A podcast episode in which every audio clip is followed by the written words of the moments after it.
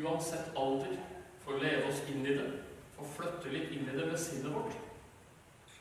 La det få ta tak i oss og forme oss som du hadde tenkt, Jesus. Amen. Det som er preketeksten i dag, er på en måte litt fortsettelse av juleevangeliet hos Lukas. Det er i hvert fall fra det samme kapittelet. Og vi leser Jesu navn.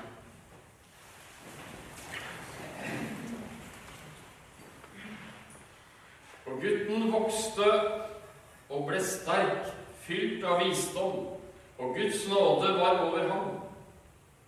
Hvert år pleide Jesu foreldre å da dra til Jerusalem for å feire påske. Da han var blitt tolv år, dro de som vanlig opp til høytiden. Men da høytidsdagene var over, og de skulle hjem, ble gutten Jesus igjen i Jerusalem, uten at foreldrene visste om det. De trodde han var med i reisefølget og gikk en dagsreise før de begynte å lete etter ham blant slektninger og venner. Da de ikke fant ham, vendte de tilbake til Jerusalem for å lete etter ham der. Først etter tre dager fant de ham i tempelet. Der fant de ham blant lærerne. Eh, der satt han blant lærerne, lyttet til dem og stilte spørsmål. Alle som hørte ham, undret seg over hvor forstandig han var, og over hvor godt han svarte. Da foreldrene så ham, ble de slått av undring, og hans mor sa, 'Barnet mitt, hvorfor gjorde du dette mot oss?' 'Din far og jeg har lett etter deg og vært så redde.' Men han svarte, 'Hvorfor lette dere etter meg?' 'Visste dere ikke at jeg må være i min fars hus?' Men de forsto ikke hva han mente med det han sa til dem. Så ble han med hjem til Nasaret og var lydige mot dem. Men hans mor tok vare på alt dette i sitt hjerte. Og Jesus gikk fram i alder og visdom. Han var til glede for Gud og mennesker. Slik lyder Herrens ord.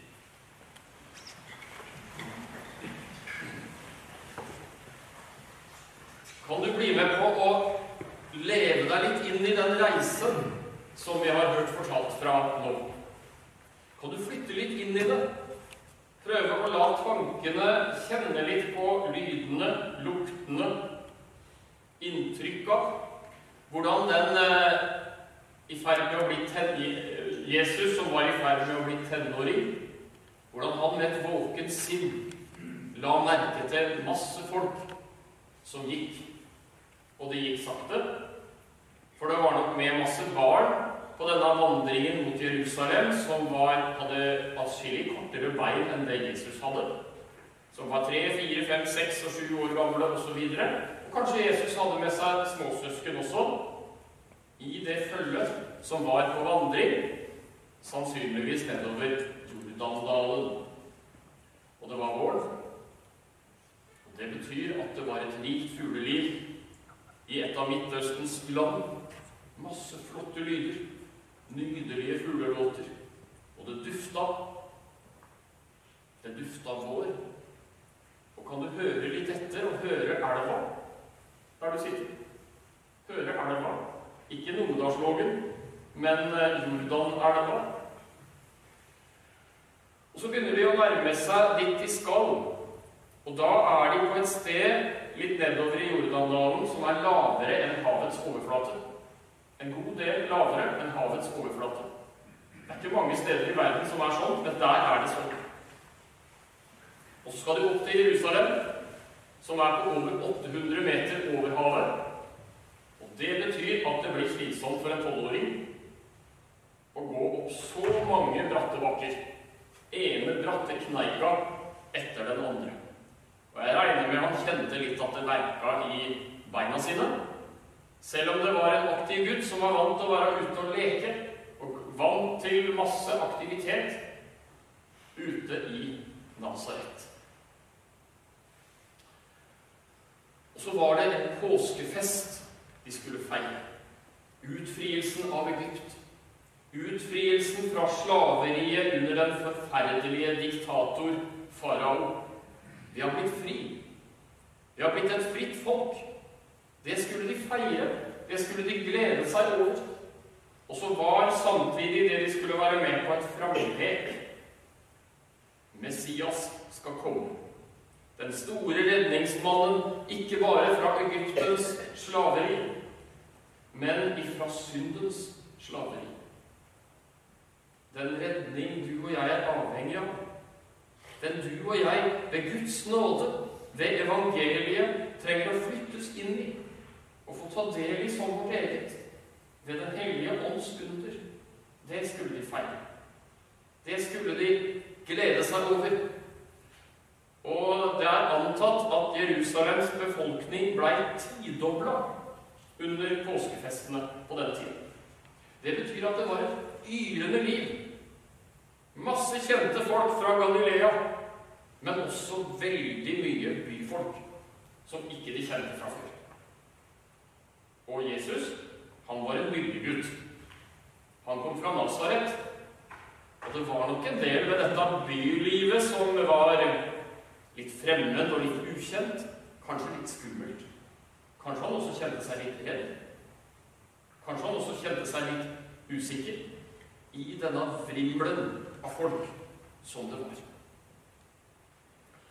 Og for Jesus så var denne påskefesten ikke som de andre påskefestene han hadde vært med på i Jerusalem.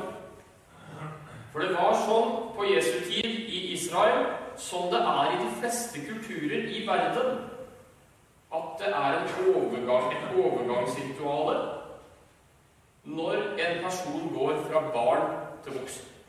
En feiring, en fest og en glede. Og noen av dere som deltar på gudstjenesten nå, dere er i ferd med å bli konfirmanter, dere skal snart bli konfirmanter, eller dere har vært konfirmanter for kort tid siden. Dette var på en måte i gåseøyne Jesu konfirmasjonshøytid.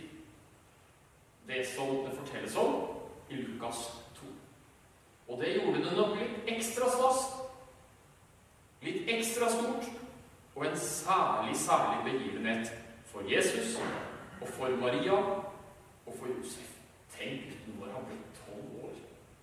Tolv år. Svær gutt. Svær kar. Og jeg tror de var stolte, og jeg tror de la merke til mange ting når de så denne fine gutten. Og sånn er det jo med foreldre. Vi ser jenta vår, vi ser gutten vår, vi er stolte, vi følger med på ting, vi gleder oss. Og vi har masse begeistring knytta til barna våre. Sånn var det den gang. Sånn er det nå. Vi kjenner oss igjen i så mange ting. Og så oppdaga Maria til sin forskrekkelse Han er borte. Han er ikke her. Vi har mista Jesus. Og dette spesielle barnet hvor engelen Gabriel hadde gitt beskjed om at han skulle bli født, og hvor hyrdene hadde fortalt sterke ting om hva de hadde opplevd julenatta, vismennene hadde fortalt ting Og så har ikke jeg klart å passe på ham. Så kjente Maria, og så kjente Mos, så kjente Josef det vi foreldre til tider kjenner. Eh, selvbebreidelse, nederlagsfølelse har ikke klart det som jeg skulle. Av oss har ikke kjent det? Jeg tror alle foreldre har kjent det. Jeg har i hvert fall kjent det. Det kan gjøre veldig vondt. Og for Josef og Maria gjorde det forferdelig vondt. Og de holdt på å leite i tre dager. Tre dager så var guttungen borte i Jerusalem. Tre forferdelige, lange dager og jeg ser for meg at Maria med sitt ømme mammahjerte lå og vrei seg i halvsøvne mens hun svetta og hadde nærmest mareritt om hva som kunne ha skjedd med hennes kjære Jesus. Hva er det som har skjedd i alle dager? Hvorfor passa jeg ikke bedre på? Hvorfor sørga jeg ikke for at dette ikke skjedde? Og så omsider falt jeg. Han var i tempelet. Han var i Guds hus. Han var der Gud på en spesiell måte hadde sagt at han ville åpenbare seg. Hvorfor i alle dager hadde de begitt seg ut og gått med den innbygninga at han hadde lekt med noen andre barn og begitt seg i et reisefølge litt lenger framme. Ja, det skjønner vi ikke helt. Han var der. Og det står at de lærde prestene var helt satt ut. Det er et enda sterkere ord på grunnspråket enn det som det vårt norske språk får fram. Helt satt ut av den forstand og innsikt som tolvåringen hadde. Og var det noe rart? Var det noe rart?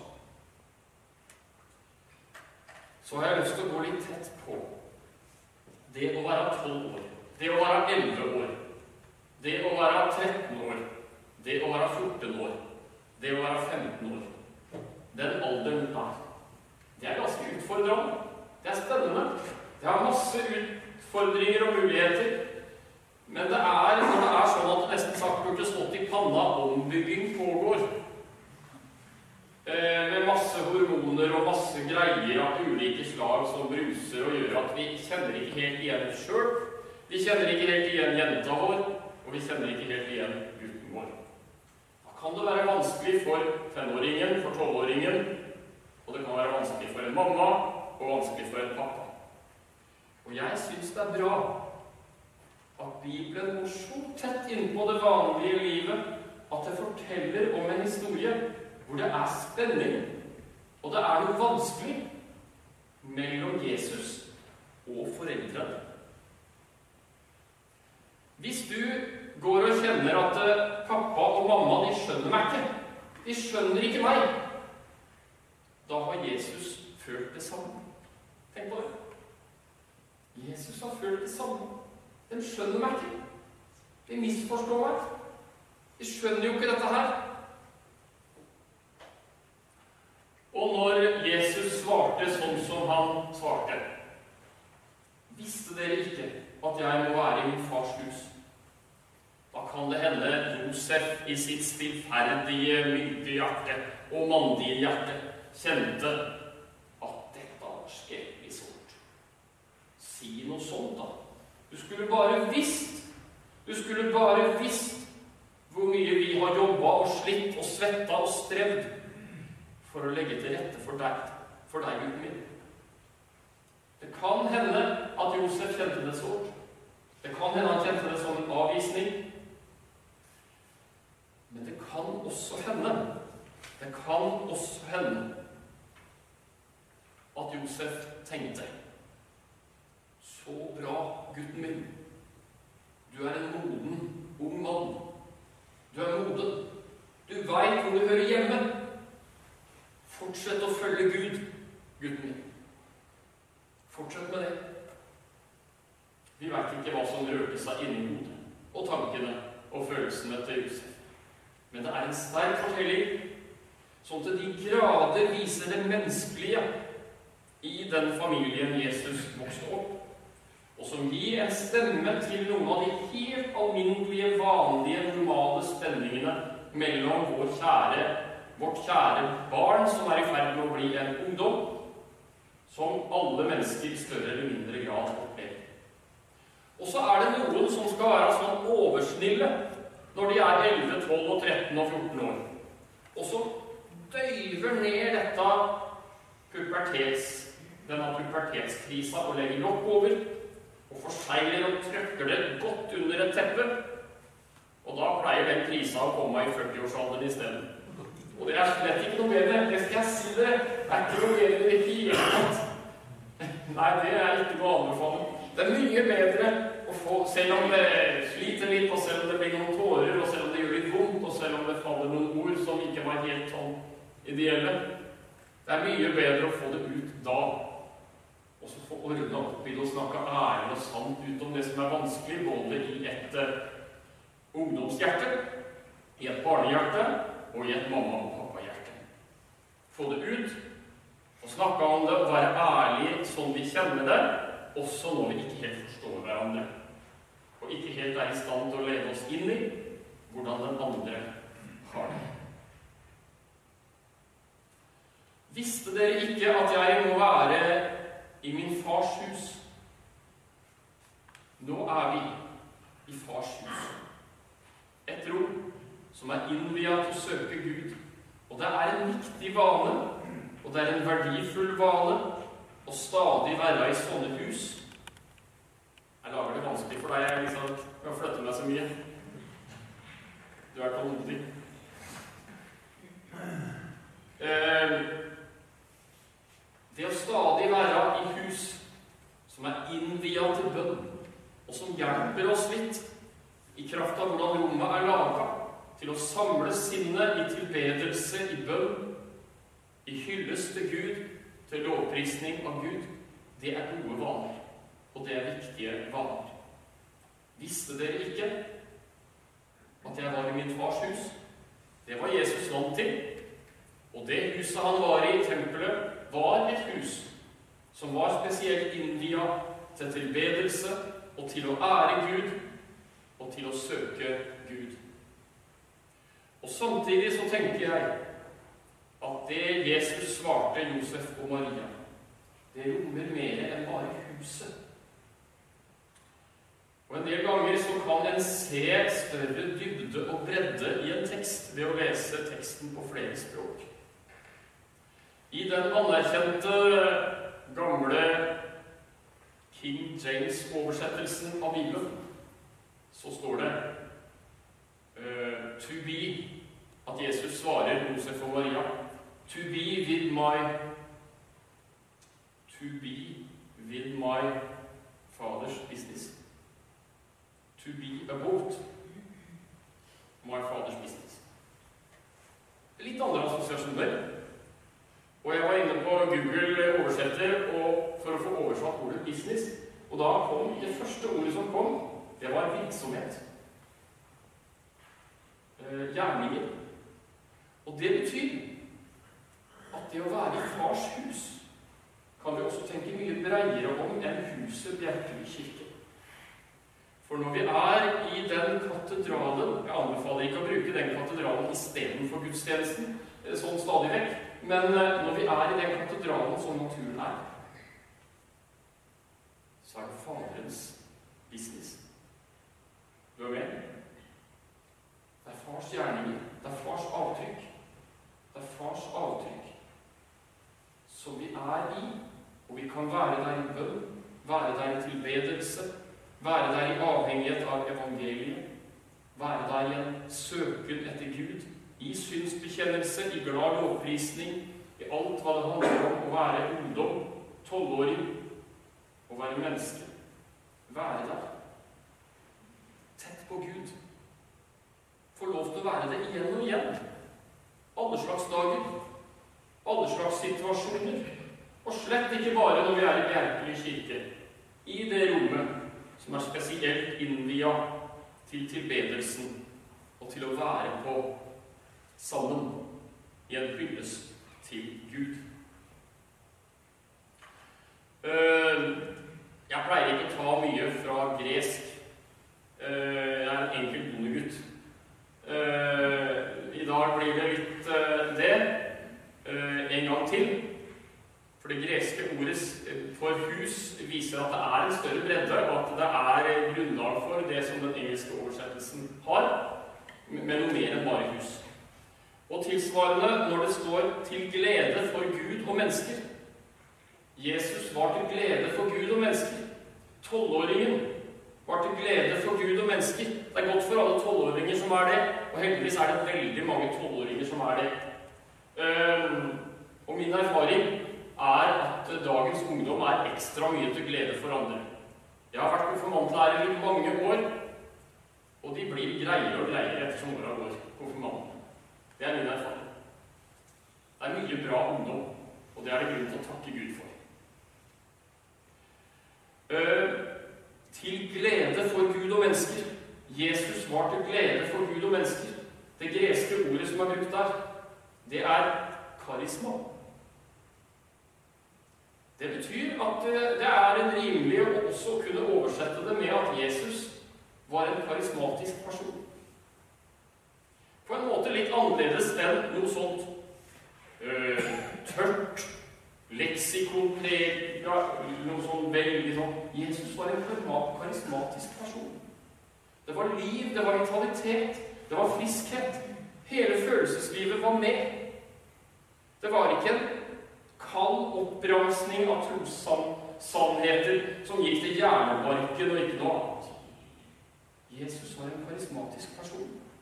Det sier teksten vår i dag. Og det er faktisk også nevnt i starten av teksten. For ordet karisma er også brukt der, på gresk. Det forteller oss noe, og det er noe vi kan ta med oss. Det er hele mennesket får lov å innvies til Gud.